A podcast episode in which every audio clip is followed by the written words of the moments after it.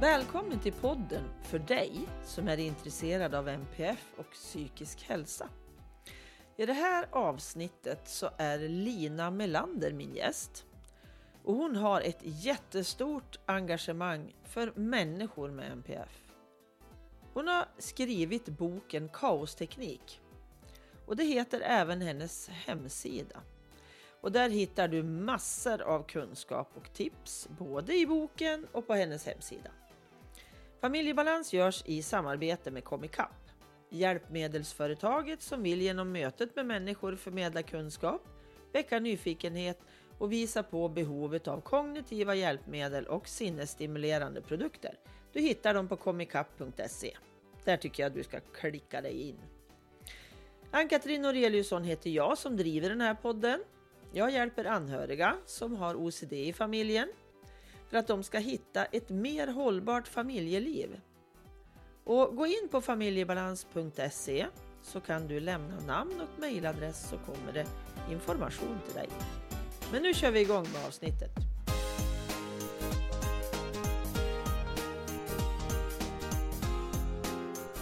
Hej Lina! Hej! Och välkommen till Familjebalanspodden. Tack så mycket. Idag ska vi prata MPF och kaosteknik. Ja. kaosteknik mm. som du har jobbat med jättelänge. Och nu har du kommit mm. med en bok som jag tycker är jättefin. Men allra först så vill jag att du berättar lite vem Lina är. Ja, eh, jag är behandlingspedagog med psykiatrisk inriktning och eh, NPF-mamma. Har två barn med eh, diagnoser. Och eh, ja, jag jobbar med lite allt möjligt men inom kaosteknik så jobbar jag med att, att framförallt föreläsa mm. och utbilda inom NPF. Och så har jag då eh, en hemsida, Kaostekniks hemsida och gett ut en bok precis. Precis. Ja, viktiga områden alltihop. Mm. Och jag brinner ju för NPF som du. Och jag ja. Tror, träffades vi när jag föreläste i Göteborg för hundra år sedan? Ja, det gjorde Visst vi. gjorde vi det? 2013 ja. eller 12 eller något? Herregud, det är så länge sedan. Ja. Oh, jo, jo, men visst gjorde vi det. Ja. Det är liksom, då hade jag sett och läst om det innan. Vi hade, hade du det? Ja, vi hade ja, nog haft ja. kontakt på något vis, tror jag. Jag tror inte det var allra första gången jag hörde talas om dig då. Jag tror inte det. Nej, nej, det var nog, för det var nog i den vevan, det var nog ganska nytt med kaosteknik då tror jag. Okay. Det var ju där någonstans. Ja, jag ja. tror det. Och då fanns det ju inte så himla mycket om MPF heller. Nej. Det var ju inte liksom översållad på internet tycker jag. Nej, nej, verkligen inte. Men vi ska prata lite MPF från lite olika håll idag. Mm. Och jag tänker börja med det här med när du skriver i boken diagnoskakor, för den tyckte jag var jätterolig. Du har så många bra metaforer som mm. blir så lätta att ta till sig tycker jag. Jag får dem rakt in i inte bara huvudet utan hjärtat också. Vad underbart. Och jag tänker, kan du berätta lite hur, hur du har kommit fram till bland annat den här metaforen då med diagnoskakor och sockerkaka tyckte jag var så kul. ja, alltså generellt så är det så här att jag, jag har liksom levt ett helt liv och varit en person som, som gärna tänker lite i metaforer, eller jag får så associationer till mm. saker. När, när jag är i en situation så kan jag tänka, men gud det här, det här är precis som, eller jag bara ser en bild framför mig. Och då har jag tillbringat hela, ja men grejen är att jag har tillbringat hela livet med att försöka översätta de här bilderna till folk för att de ska begripa hur jag tänker. För jag har liksom inte fattat att de skulle förstå det.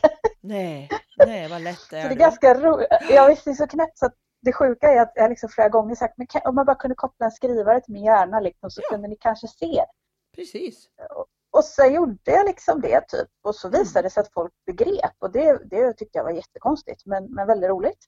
Fantastiskt bra tycker jag. Eh, ja, så det är väl lite så det har gått till när det här har kommit till. Men, men just, just de här kakorna, jag vet inte. Alltså, det är ju så jäkla knepigt för att man vill ju gärna ha ett färdigt facit. Så här är det när man mm. har den här diagnosen. Mm. Precis. Eh, men det går ju inte. Och så, och så dels är man ju en personlighet och man har erfarenheter och, och massa Mm. saker som mixas ihop och, och dels är diagnoser ter sig olika. Och sen kan man dessutom kanske ha flera diagnoser som samverkar. Och så, Ja. alltså det, blir ett sammelsurium. Så när Ja. folk sen vill plo- plocka ut de här liksom, eh, specifika dragen, eller, Mm. alltså, då, då känner jag lite så, som att, det, att någon ber mig att, att först hälla ner allting i, alltså alla ingredienser i, i en skål och blanda ihop det och sen ta ut, ta ut ägget igen. Hur sjutton ska jag kunna göra det liksom? Mm. Och det är klart att en diagnos, det är ju, där har jag jämfört det lite med ett recept, att det är ett visst antal saker som ska liksom Finnas vara med ja. enligt Mm. kriterierna. Ja, för att man ska kunna kalla det för sockerkaka eller för Mm. ADHD eller vad det nu är. Mm. Men, men det innebär inte att man kan plocka ut ägget efteråt. Det är faktiskt så. Mm. Det, det blir ju ändå någon sorts helhet av alltihopa, så är det ju med allting. Mm. Mm. Men, men det blir så påtagligt här tycker jag när, när, man, när man gärna vill plocka ut specifika symptom eller svårigheter eller lättheter för den delen. Ja, men precis. För jag brukar tänka mig det som en tårta. Mm. NPF är en tårta. Och så har Mm. vi ju då de här skarpa linjerna när man tar en tårtbit liksom. Mm. Så blir det väldigt skarpa linjer och det är ju så vi har gjort när vi har gjort de här. När man har liksom ritat upp hur ser det ut med NPF? Ja, men ADHD det är det här och autism är det här och Tourette är det Mm. här och så där. Men en person med NPF den tar ju aldrig en vanlig tårtbit. Den tar ju en klick mitt i. Liksom. Eller hur? Grabbar tag liksom. Ja men typ. Och så Ja. är ju, det är ju av naturen så är det ju så. För det finns inga skarpa linjer emellan. Det är för att vi ska förstå. Ja. Men vi måste också förstå hur naturen fungerar. För inte för Ja. så jädra många år sedan så kunde man inte ha ADHD och autism samtidigt. För Nej, det exakt. mot- Och man kunde def- definitivt inte vara tjej och ha autism. Nej, det hade ju varit helt galet. Nej, men exakt. Och därför så måste man liksom tänka det här att det naturen är en sak och att vi ska förstå är en sak. Det är liksom, Mm. och de måste ändå samverka. Mm. Och därför Ja, blir men din sockerkaka så rolig för den är botten på min tårta. Kan man säga. Ja, det har rätt i. Vad roligt. Du är min tårtbotten. Så. Ja, men alltså jag Ja, tyckte det var jättekul det här faktiskt. För det Mm. blir så begripligt också. Det går inte att plocka ut äggen sen. Det går inte. För de Nej. är blandade med alltihop liksom. Vi kan inte peka exakt liksom. Och just det här också som Nej. du säger att individen är ju oerhört viktig i det här hela alltihopa. För att det är ju individen som har den här problematiken eller skillserna som den är extra bra på. Mm. Och vi behöver komma ihåg att alla de här diagnoserna de finns hos en individ. Och det är individen vi ska förstå. Ja, verkligen. Mm. Och vilja förstå tänker jag framför allt. Ja, Så att ja, våran- det är ju där det måste börja. Ja, intresset Mm. tänker jag. Den här kärleksfulla nyfikenheten som jag tjatar om konstant. Att det är den Mm. som kommer att leda oss till vem är den här människan? Jag Mm. ska vara jättenyfiken men väldigt kärleksfull i min nyfikenhet. Mm. Och handskas med den på ett fint sätt tänker jag. Ja, verkligen.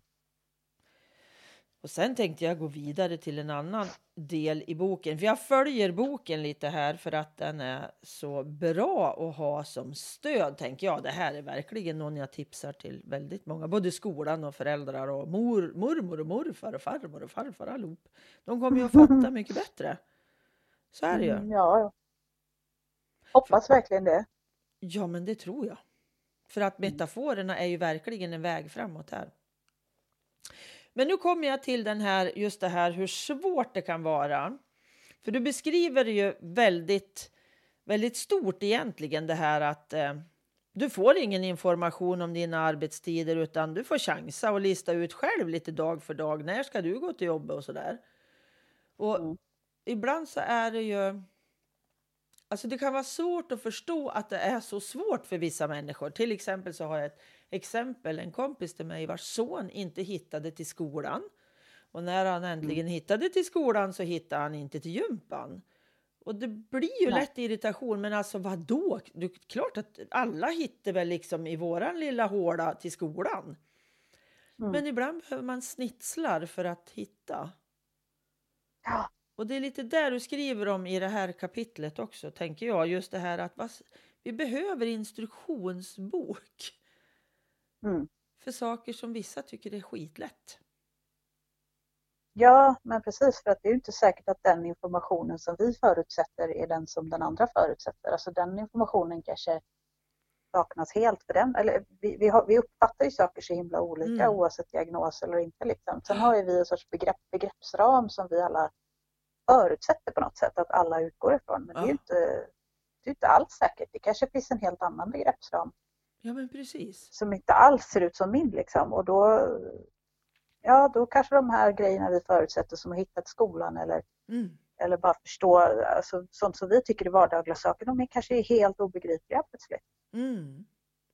Ja, men också det, det här filterlösa som det kan vara också att ha en, en diagnos. Att all information går in så det bara sprutar rakt in och det blir Mm. jättesvårt att sortera. Eller att jag stänger till för jag orkar inte. Nej. Också jättevanligt tänker jag. Båda delarna. Ja.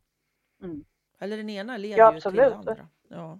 ja, precis. Och jag menar, hur ska man veta hur ska man veta vilken information som är som ska sållas ut? Alltså hur, Mm. hur ska jag kunna veta egentligen då vad det är som, om allting bara väller in, Mm. hur vet jag vad, vad det är jag ska sålla bort? Mm. Då blir det ju Mm. lite antingen eller. Det blir ju av och på. Det blir ju antingen så får allting bara välla in då eller så blir jag tvungen att stänga av alltihop för att, Mm. för att det är svårt att sålla ut. Mm. Hur tänker du att man, hur, hur ska vi göra för att på bästa sätt liksom hjälpa den som har sånt här dåligt filter, som, där jättemycket kommer in i huvudet hela tiden liksom? Är det bildstöd eller hur tänker du med? Jag önskar att det fanns? Ja, jag önskar att det fanns ett svar på det men det gör ju inte det. Det finns ju lika många svar som det finns människor. Liksom. Jag, Ja. jag tycker att ba- bara, bara på eh, bara på sina egna barn, om man då har mer än ett som jag, redan där märker man ju hur, hur olika de fungerar och hur olika de kan ha exakt samma, eh, på ett sätt samma problematik inom ett visst område. Mm. Fast det tar sig uttryck på två helt olika sätt. Mm. Mm. Vilket i sin tur leder till eh, två helt olika lösningar eller, eller stödinsatser. Ja.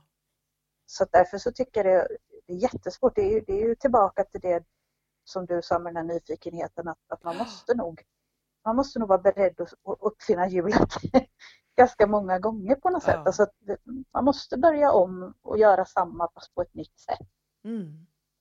varje gång. För det, jag tror inte det finns någon färdig lösning. Liksom. För vissa är ju hjälpta utav eh, olika rent fysiska praktiska hjälpmedel och så men andra är ju inte det. Eller är det men vill inte utmärka sig. Nej, precis. Eh, till exempel eller, eller kanske inte själva har definierat problemet.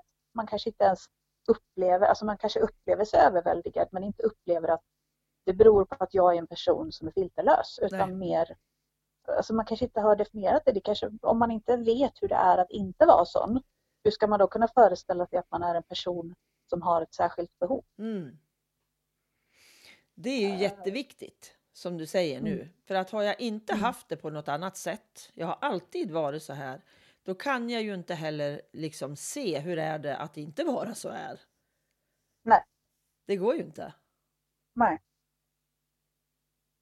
Så att där liksom behöver ju verk vi verkligen hjälpa till de som finns runt omkring. Mm. Och kan jag inte hjälpa till bara så där så får jag ju söka hjälp på Mm. olika sätt. Man kan ju googla mycket men man kan ju även då ta kontakt för att få en föreläsning till exempel till sin skola eller så. Ja, det kan man göra. Och man Mm. kan fråga människor runt omkring vem som, om inte annat om råd. Och det finns ju, det som du säger, det var, det var ju, fanns mindre information förut. Nu har det ju nu har ju det här blivit något som det pratas om mycket mer också. Ja. Det finns, finns mer information och det finns mer eh, liksom tillgängligare i alla fall. Sen, vi har en lång väg kvar att gå med mycket men det har ju Absolut. hänt en hel del i alla fall. Jo, men de senaste 20 åren, alltså, i, i den tiden jag varit liksom bland ja, mina barn då med NPF, lite drygt 20 år då, så har det ju hänt jättemycket. Mm. Verkligen. Men som du säger, vi har en bra bit kvar. Ja. Är så, så, är det. Så är det. Mm. Men jag tänker också på det här med selektivt ätande är ju jättevanligt mm. i MPF. Vi hade ju ett selektivt ätande på det sättet att Marcus tyckte det var jättejobbigt att äta kor. För det var mm. hans vänner när han var mm. en, ja, 9-10 sådär. Det var några år mm. som vi inte kunde äta kokött hos oss. Och det handlade ju också om hans OCD. Mm. Men selektivt blev det ju, för det har det ju varit mm. under många perioder. Och han har ju förmågan också, han kan ju äta samma sak sju dagar i rad utan problem. Mm. Och jag äter helst inte någonting mer än en eller två gånger på rad. Så det där är liksom, ibland kan ju variationen kanske vara jättejobbig. Det är ju också en föreställning vi har att mat är något som ska variera. Så det är klart att ur ett rent, om man nu ska tänka rent näringsmässigt så finns det ju såklart idéer om mm. att inte äta ensidig alltså sådär. Men annars är det ju en idé vi har i övrigt. Jag mm. menar om man, om man ändå får i sig det man behöver så är det ju ganska fånigt egentligen att vi har en idé om att man ska ha någon sorts variation bara för variationens skull. Mm. Alltså det är ju också bara en, en konstruktion. Det finns ju ingenting som säger att vi inte kan äta samma mat så länge som vi inte liksom, kroppen tar skada. Nej men precis. Och det kanske är jätteskönt att veta att man vet vad man får på tallriken. Liksom. Jag har ju ett barn som äter eh, ja, Just nu så är, är, det väl kanske, det kan varieras mellan två saker men det är ju verkligen exakt samma hela tiden och det serveras på exakt samma sätt och det ligger på exakt samma sätt. Och, mm. eh, vi har så uppdelade tallrikar där det liksom är små fack som man kan lägga så att inte maten krockar. Ja. Nej. Och det, det kan man tycka, oj vad speciellt, jaha, men liksom det är inte jättemånga som hade valt att käka gräddtårta och sås och alltså brunsås och potatis. Det hade liksom folk bara, nej men jag vill inte ha gräddtårtan får du lägga på en annan tallrik. Då plötsligt så är det helt självklart. Liksom. Mm. Eh, så det är ju inte konstigare än det egentligen. Nej, att liksom många gånger tänker jag får man lägga sina egna värderingar åt sidan. Mm. Att acceptera att ja, men min unge tycker att det här är det bästa för mm. sig. Fast man får ju mm. kanske pilla in lite då sådär som du säger för att få det näringsrikt, att det blir för ensidigt. Men mm. eh, att mycket acceptans tänker jag till det här att vi är på olika sätt och fungerar på olika sätt. För jag tror många stångar väldigt länge med saker som vi har liksom bestämt att ja, men på det här sättet ska det vara. Ja, då... absolut. Men det, det har jag tänkt på också att det är ju lite så att en hel del av de svårigheter som, som många personer med NPF eh, visar upp, så att säga, alltså många av de här krockarna med den, den neurotypiska världen, den världen med människor som inte har NPF. Mm. Eh, det består ju just i den typen av saker som, som ligger inom området för sånt som vi kan tolka som att det har att göra med uppfostran, eh, kultur, mm. moral, seder och bruk, alltså massa sådana här saker. Eh, det är ju det är också därför det blir så svårt för att det många gånger väcker idéer om att det egentligen är det det handlar om. Mm. Eh, hade det varit andra saker som är mer liksom påtagliga eller så, så hade man, då, då, ser man det mer oftast, eller omgivningen ser det oftast mer som en, eh, en funktionsnedsättning eller en allergi eller vad, så vad det nu kan vara. Liksom. Mm. Men det är så många av de här behoven som på något sätt rör sig inom, inom samma ram. Alltså det kan vara ett beteende som ser exakt likadant ut för omgivningen som inte vet. Mm om det är ett barn som är väldigt, väldigt bortskämt eller ett barn som har NPF. Mm, mm. Det kan vara ett barn som är, är väldigt, väldigt, eh, ja, inte vet jag, men alltså det, det, det, rör sig ju inom, eller ett barn som inte har fått några gränser eller ett barn som har NPF. Eller ett mm. barn som, alltså, och det gör ju att, att det är så lätt att slira i det där och börja liksom tolka det som någonting annat än vad det är. Mm. Exakt. Det är väldigt, det är väldigt sorgligt att, att det blir så. För det, mm blir så otroligt mycket onödigt kämpande och så otroligt mycket onödigt lidande för den individen som det berör. Ja. Jo, familjen sliter ju väldigt många gånger oerhört ja. hårt. Ja. Just mot andras fördomar och tyckande och lite sånt där. Ja. Och det är tungt. Det är så onödigt för det ger ännu mer slitage inom en liksom som förälder. Ja, precis. Och all den energin som man ju behöver för att Mm. backa upp, ja, men för att vara förälder, backa upp barnet själv, backa upp sig själv för att orka och sådär. Det är så mycket av den som går åt till, till sånt som egentligen, precis som du säger, bara är helt onödigt. Ja. egentligen. Som inte skulle behövas liksom. Mm. Men jag tänker det selektiva ätandet då, det handlar ju om perception, tänker jag. Mm. Mm. Men berätta lite om andra perceptionsstörningar som kan vara. Ja men alltså käns känsel eh, är ju ett, det är ju det här med kläder och så är ju Mm. jättevanligt också. Mm. Det är ju en sån där grej som vi har fått, man har fått tampas med mycket material och, och, och det är väl lätt att börja tänka på liksom lappar i kläder och sånt där men, men det kan ju det kan ju faktiskt vara material Mm. och, och hur, alltså hur ett plagg sitter. Alltså Mm. ett tag så skulle eh, ett av mina barn bara ha kläder som satt jättelöst. Sen skulle det Mm. helt plötsligt vara bara kläder som satt jätte, jättetajt. Mm. Och framförallt att det inte fick kännas skillnad. Alltså typ om det var tajt på ett ställe så får det inte vara liksom en millimeter mindre tajt på det andra stället, Jämnt, till exempel det andra liksom. Ja. benet. Utan det måste vara väldigt jämnt hela tiden. Mm. Och strumporna måste vara exakt, sitta exakt likadant. Skorna Jag bevarar måste mig väl. Ja, skorna måste vara Om man ens kan ha strumpor. Ja, men det är... Strumpor! Ja, Ah, strumpor alltså. ja det är Jesus, vad... Ja. Gud vad vi har hållit på med strumpor. Mm, och jag räcker upp handen direkt för jag är precis likadan. Jag hatar verkligen sömmar på strumpor. Jag kan inte ha dem. Alltså jag får märken. Det går Ja. inte. Nej, jag, nej jag, jag är jättekänslig mot kläder överhuvudtaget. Jag Mm. sprättar. Jag kan inte klippa lappar. Jag måste sprätta. Jag har en sån här Ja. liten sprättare som man har till symaskin. Den ligger i kökslådan för det går inte. Så det är både jag och, Nej. och dottern. Man måste ju ha bort varenda liten tråd alltså. Mm. Och jag är Hemskt. känslig mot trådarna också. I, alltså i sömmarna i kläderna.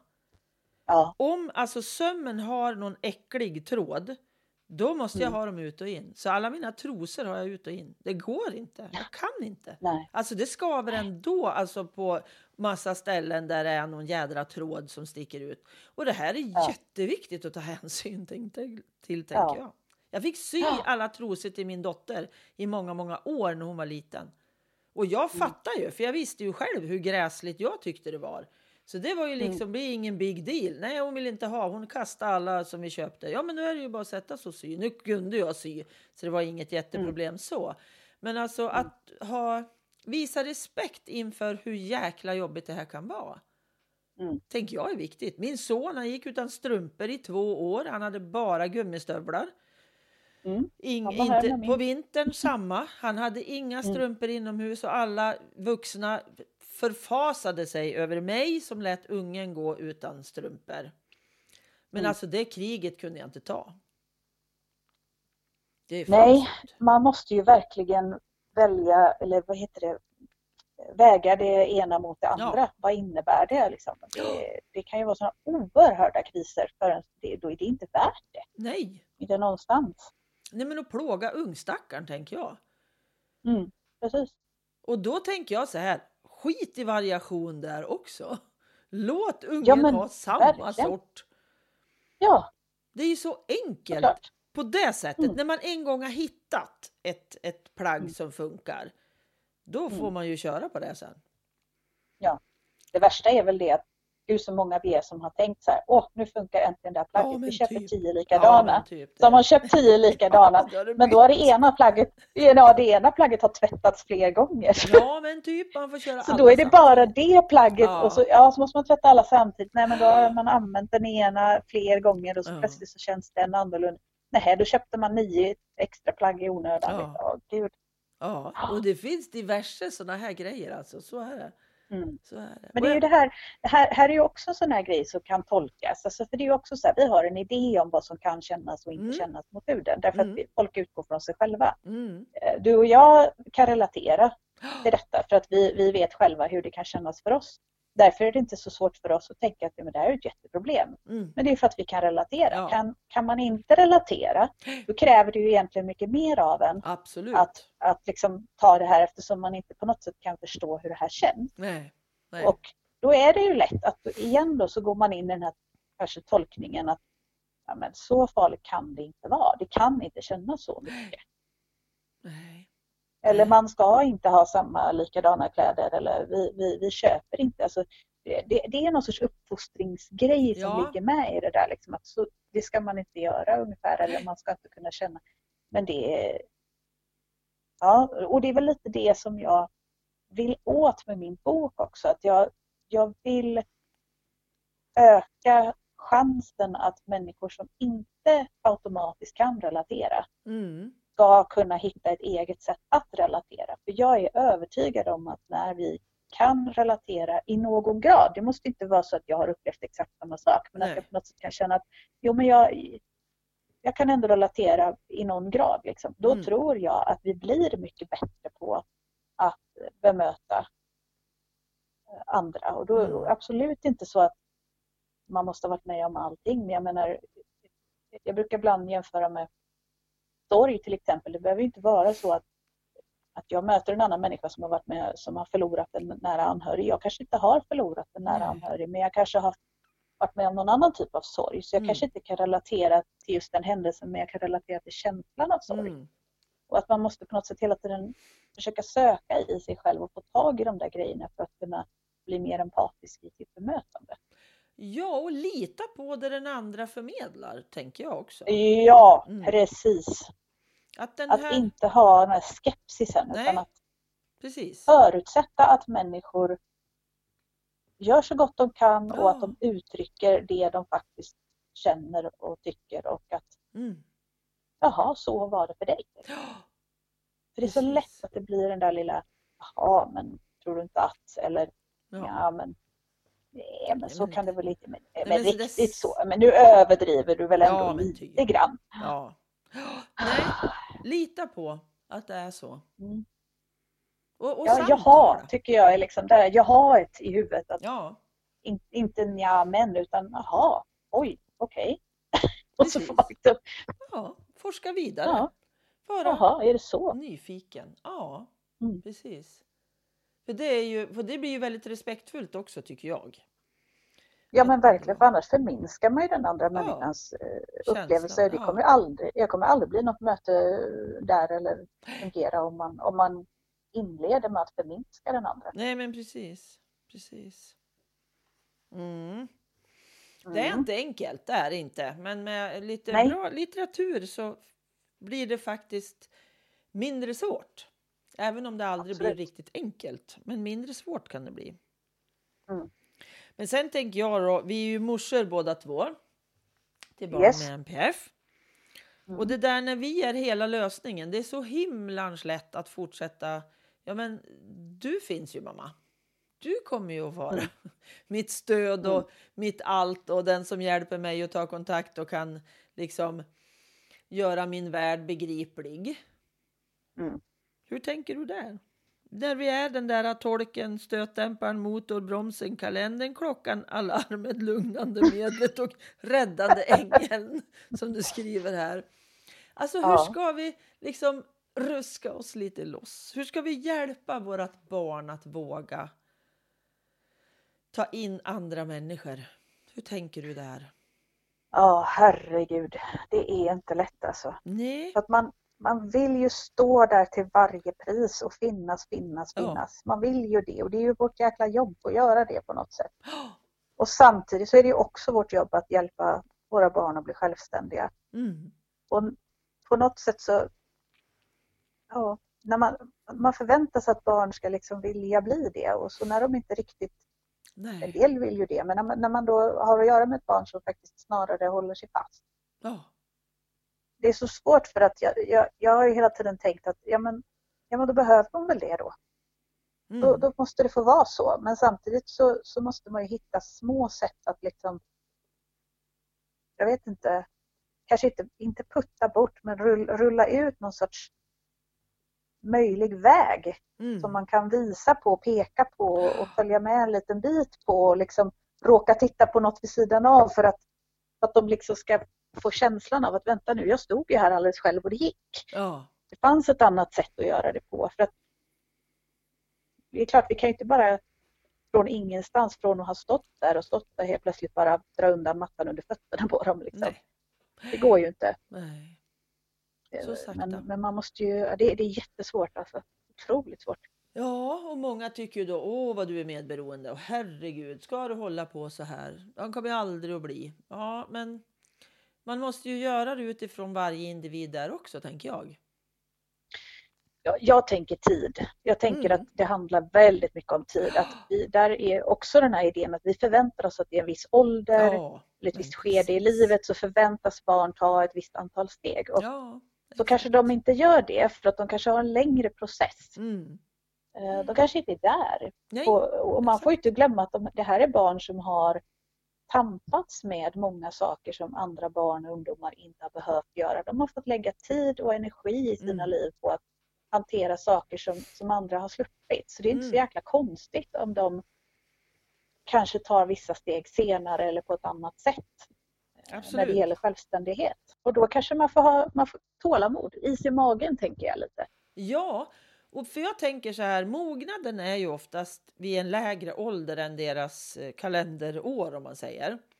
Mm. Och då måste man ju tänka på det i mognaden hela vägen. Att även Mm. att flytta hemifrån eller ta liksom beslut som kanske en del kan när de är 18-20. Det kanske man inte kan om man har en, en svår NPFD, alltså problematik. Att det Mm. har dragit och tagit så mycket av min energi så jag har aldrig kunnat fått den där mognaden som det räknas med att man ska ha när man är 18-20 liksom. Man har, jag tänker man har ju övat på andra saker också. Ja, De har inte gjort samma saker som andra kanske Nej. rent mentalt. Och tänk så många utav de här barnen som också tyvärr på grund utav många gånger eh, samhällets eh, kanske att man inte har förstått runt omkring barnen eller att man har fått för sen diagnos eller man har inte fått det stöd som har krävts eller så. Att många av de här Mm. barnen har ju också varit utmattade mm, eh, mm, absolut. på olika sätt och kanske varit hemma från skolan i långa perioder och sådär. Och, och det är ju också ett sorts avbrott i en naturlig eh, ja, process i det barnets liv. Mm. Mm. Där det kan ha gått flera år. Det är ju många av de här barnen som har haft det så. Ja, absolut. Och då kan det ha Absolut. gått flera år i deras liv där de har fått liksom, där allting har stannat av på något sätt. Ja. Ja, Jo, men jätteviktigt det också, för är man inte mogen att ta de här stegen, alltså blir då utknuffad, om man blir liksom utknuffad, inte utrullad liksom framåt, utan Mm. jag blir liksom, men nu är det färdigt det här. Mm. Puff, Mm. så ska jag bort. Det blir väldigt jobbigt. Ja, och har man då dessutom på grund av sin NPF svårt med övergångar mellan Ja. olika händelser. det, ju, det får man ju inte glömma att det är också att flytta hemifrån eller att överhuvudtaget gå från barn till Vuxen, självständig ja. vuxen. Det är också en övergång. Ja. Och, och den, eh, det kan ju upplevas väldigt drastiskt, vissa steg som kanske för andra är, mycket, är ganska självklara. Mm, mm. Så det, den övergången kanske också måste ta längre tid och vara mer utsmetad på något sätt Ja. än vad den kanske är för, för en del. Precis. För när Marcus skulle flytta hemifrån, det tog tre månader att, eh, för vi tog det i små steg. Och han var i lägenheten och vi följde med och till slut så kunde han vara där stunder själv och sådär. Mm. Och till slut så ville han själv, nej men i natt ska jag prova att sova här. Mm. Och det var fanns, jag pushade ingenting. Jag frågade och ja, undrade och hur går det och hur känns det och ja. Vi åkte dit och vi åkte därifrån och höll på sådär. Och till slut Mm. så ville han ju själv. Men de flesta tror ju då, ja men alltså vi har ju, han hade köpt en lägenhet, pang tjong så flyttar man in för det är jättekul. Men så var det Mm. inte, han tyckte det var jättekul men inte kanske att flytta dit, det var för stort steg att göra på en gång och då får man vänta Mm. in. Ja, och det är så lätt, för jag tänker, bara- jag bara känner det när du pratar nu så tänker jag, åh gud så många gånger jag har suttit i, i den där känslan att men om jag bara står här nu och liksom fortsätter, vidmakthåller inte jag det här beroendet utav mig då? Kommer, kommer, kommer hon aldrig att ta ett kliv åt självständighet ifall jag alltid finns? Är det jag som måste flytta på mig? Liksom? Mm. för att hon ska våga ta det steget. Men faktum är att jag har alltid fått motsatsen bevisat för mig. För att när jag har stått kvar längre än vad jag har trott att jag kanske borde stå kvar så att säga. Mm. Så har de alltid tagit ett kliv själva i något steg. Ja. De har faktiskt gjort det. Jag satt inne hos min, min yngsta till exempel, satt jag inne hos väldigt, väldigt många år. Eh, och fler, fler år i alla fall än, än vad kanske jämnårigas föräl- föräldrar gjorde då när hon skulle sova. Mm. Satt inne i rummet liksom tills hon somnade. Eh, och jag bara, jag, hade gett mig sjutton på att jag ska inte gå ut ur det här rummet. Nej. För att jag trodde, det är också liksom olika, där måste man ju se det i olika, vissa barn klamrar sig ju verkligen fast. Men jag visste att hon är, hon är en sån där som, hon, henne, men hon, hon gör, hon gör det hon vill göra liksom förr eller senare. Så, och till slut så precis, precis som du säger, helt plötsligt så, nej nu ska jag sova själv. Mm. Jaha. Precis, nu är det klart. Och då var det klart och sen dess har hon gjort det. Ja, precis. Men det är klart att det, det, det kan ta längre tid. Men, men jag tror vi måste, vi måste ha en liten parentes med de här som, det finns ju faktiskt familjer som jag pratar med där man känner att, att barnen faktiskt klamrar sig långt, långt, långt upp i Ja. vuxen ålder, att de, de har jättesvårt och då måste man ju hjälpa till att Absolut. hitta liksom, vem kan du vända dig till då? Ja men du har ju sett alltså att man på något sätt hjälper till att bygga den här Ja. Alternativa stödvärlden på något sätt. ja, men visst. Och jag tänker på Marcus, han fick ju boendestöd då för att det ska Mm. finnas någon annan som kommer in. För jag ville ju också att han skulle få bli mer självständig. Att han Ja. skulle få känna att han kunde göra saker med någon annan än bara oss. Så där. Mm. Nu är ju vi bäst jämt, så är det ju. Mm. Helt klart. Mm, såklart. Men i alla fall så behöver han andra människor. För jag tänker ju också så där, jag kommer ju förhoppningsvis inte att leva längre än vad han gör. Så då måste han en dag, liksom, och det här pratar vi om jätteofta. Att våga nämna det och prata om det, att man faktiskt får känna in det också på vägen dit. Liksom. Och inte helt plötsligt en dag jag har dött och jösses, det tänkte jag aldrig på. Liksom. För det är Nej. inte säkert att man tänker de här vanliga, ja men jag vet att morsan och farsan dör och sånt där. Ibland behöver man prata om det, i alla fall när barnen har kommit upp i åldern, inte kanske när de är åtta. Men liksom nu som, han är ju över 30 så att vi har pratat om det här sedan han flyttade hemifrån. Att jag vill verkligen att han ska ha andra trygga människor runt sig. Och att det är för hans skull framför allt. För min också såklart. För att vi ska liksom ha en, en, en annan relation också. Att jag bara, inte bara är den som hjälper hela tiden och stöttar utan kan ha trevliga saker också. Mm. Sådär. Mm. Precis. Ja. Sen har vi en annan del också som är lite krånglig tycker jag. Och det är ju när man har flera barn med NPF. Då är ju de syskon till någon med NPF allihop. Mm. Och det finns ju inte jättemycket för den som har NPF och är syskon. Nej, har du någon gång sett något sånt? Nej. Alltså någon syskongrupp? Har du, är det bara jag som har missat detta? Nej, det tror jag inte. För jag har, jag har Nej. bara sett det här där, där jag har ett syskon med NPF och jag inte själv har det. Ja. Typ. Så att det saknas. ja, för det är det jag tänkte, var väl när jag skrev det där första gången, att liksom det, det är ju jättevanligt att. När man har flera barn, att, att flera utav barnen har diagnos. Det är ju Ja, snarare ovanligare att det är ett barn som har diagnos och resten inte har. nej, Alltså, precis. har, man, har man flera barn så har förmodligen fler än ett en diagnos. Eller det är i Ja. alla fall väldigt, väldigt Det är vanligt. väldigt vanligt, ja precis. Och därför förvånar det mig att, att alla liksom syskongrupper eller stödinsatser så för syskon som, som jag har stött på har, har förutsatt att syskonet inte själv har diagnos. Mm. Fast det är vanligare att, att hon eller han har det. Liksom.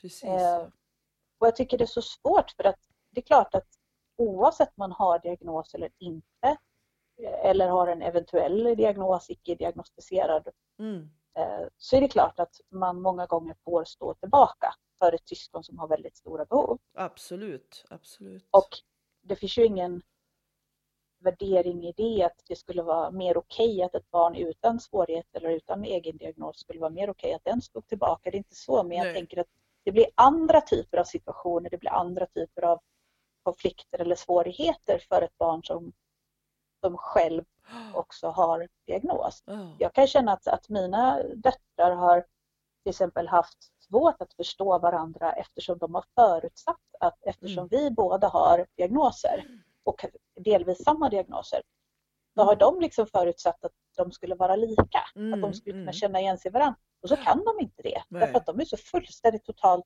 raka motsatsen som de bara kan bli. Ja, precis. Och då tycker liksom den ena, men jag har faktiskt också autism och jag kan göra det här.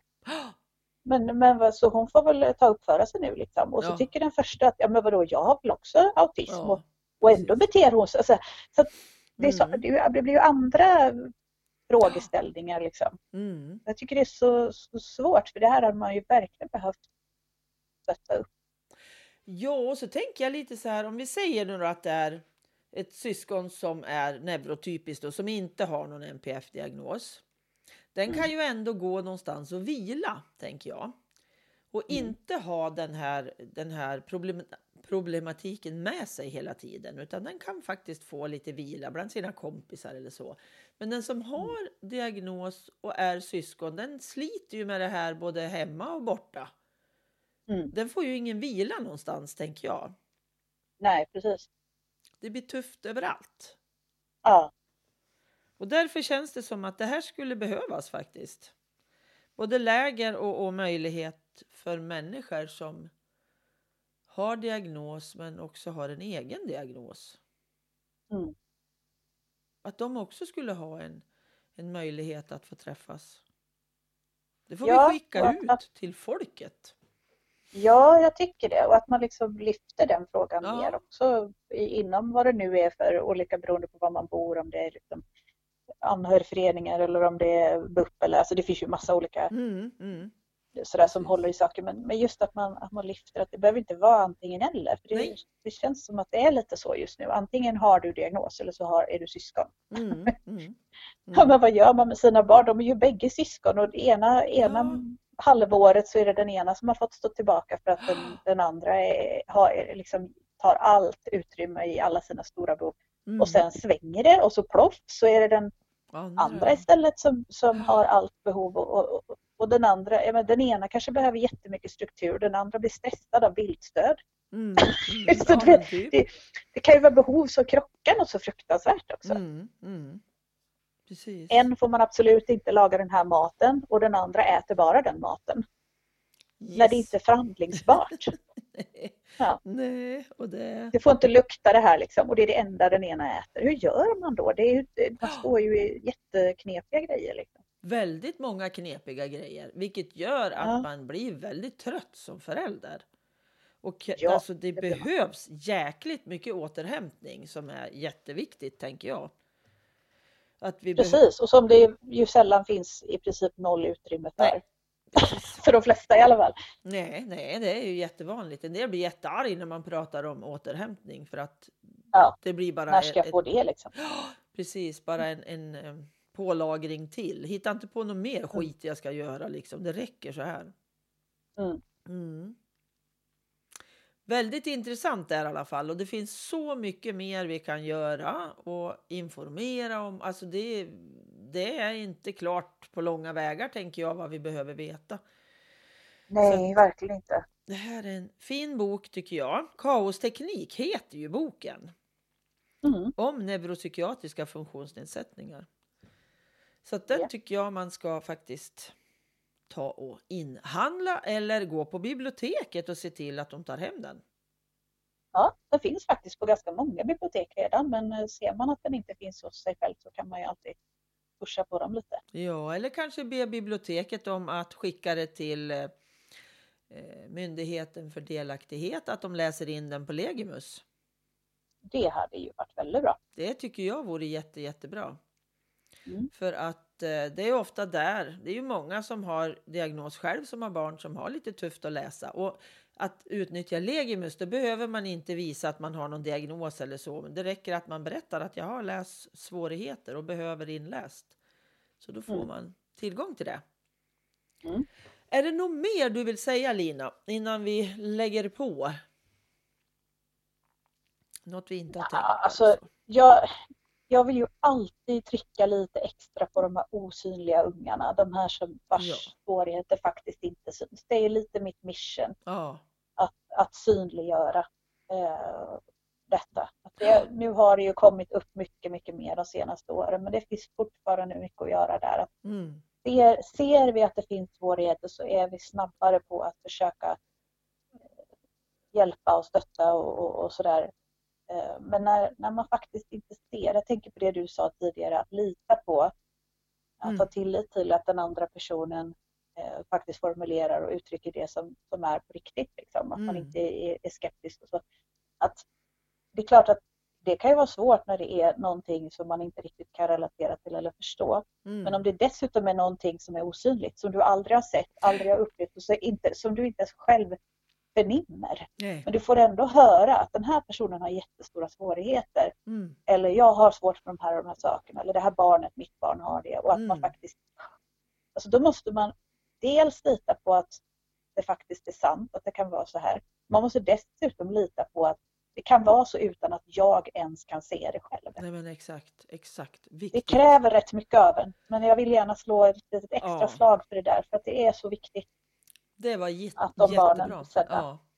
För det är sant. Verkligen sant. Mm. Det är ju ofta, och, och många tjejer, men Mm. även många killar faktiskt. Ja, det är ju så. Det är inte Och bara... det har blivit, nej, och det har blivit nästan lite svårare för de killarna eftersom nu har det blivit lite mer att man vet om det här att jo men det kan vara så att tjejer inte riktigt, att det inte märks. Mm. Och då när de här killarna dyker upp som inte märks, då blir det som att då blir det ännu omöjligare för dem att bli trodda eftersom de är ju inte tjejer och det vet vi att det är bara tjejer som är osynliga. Ja, Så då är de ju dubbelt osynliga de där stackars pojkarna Ja. så jag blir ju helt, Ja. jag blir helt galen. Nej, men vi måste tänka rakt över vem som helst. Ja, Vi kan inte tänka kategorier där. Utan det, Nej. osynlighet är jätteviktigt att uppmärksamma. När man blir de här Mm. som man sa förr då, tapetblommorna liksom. Det Ja. behöver inte vara tjejer bara. Utan det kan vara Nej. både och. Absolut. Jätteviktigt. mm. Tack Lina tack själv. för idag. Mm. Så ja, jag kommer att PRa din bok för jag tycker att den är bra. Såklart. Tack så jättemycket. Mm-mm. Ha det så bra Lina. Detsamma. Hej då! Hej hej!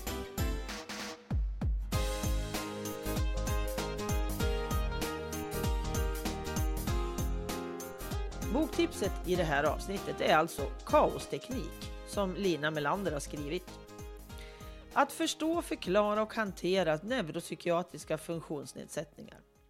Kaosteknik handlar om Mini och om morsan, typen och gänget. Om polarna, fröken och djuret med flera. Om hur mycket ett E kostar i skolan. Och vad NPF-kuddar är. Om arkeologi på skolgården. Om en morsa på glid. Om när hela havet stormar inne på järnkontoret. Och om chilimarinerade larver inne på bajamajan.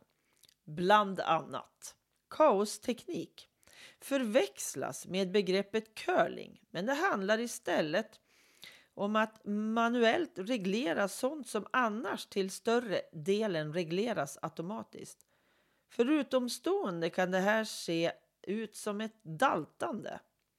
Därför är det viktigt att förstå själva grundfunktionerna hos barnet genom kaosteknik.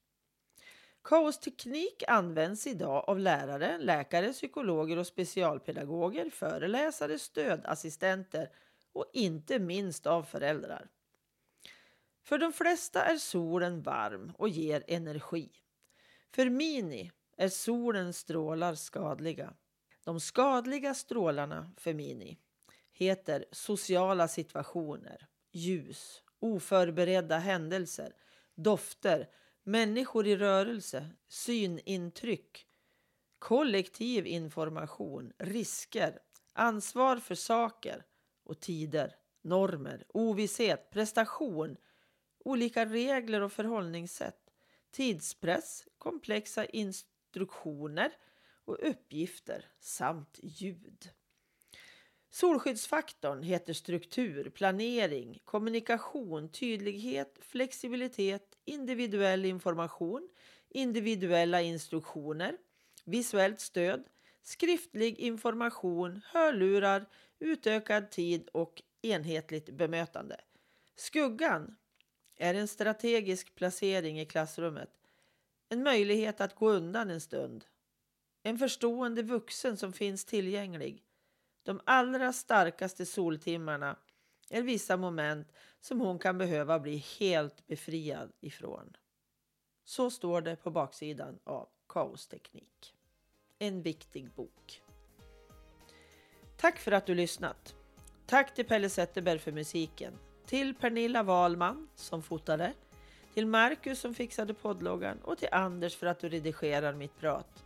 Och tusen tack till Komikapp för samarbetet. Hoppas vi hörs igen. Hej då!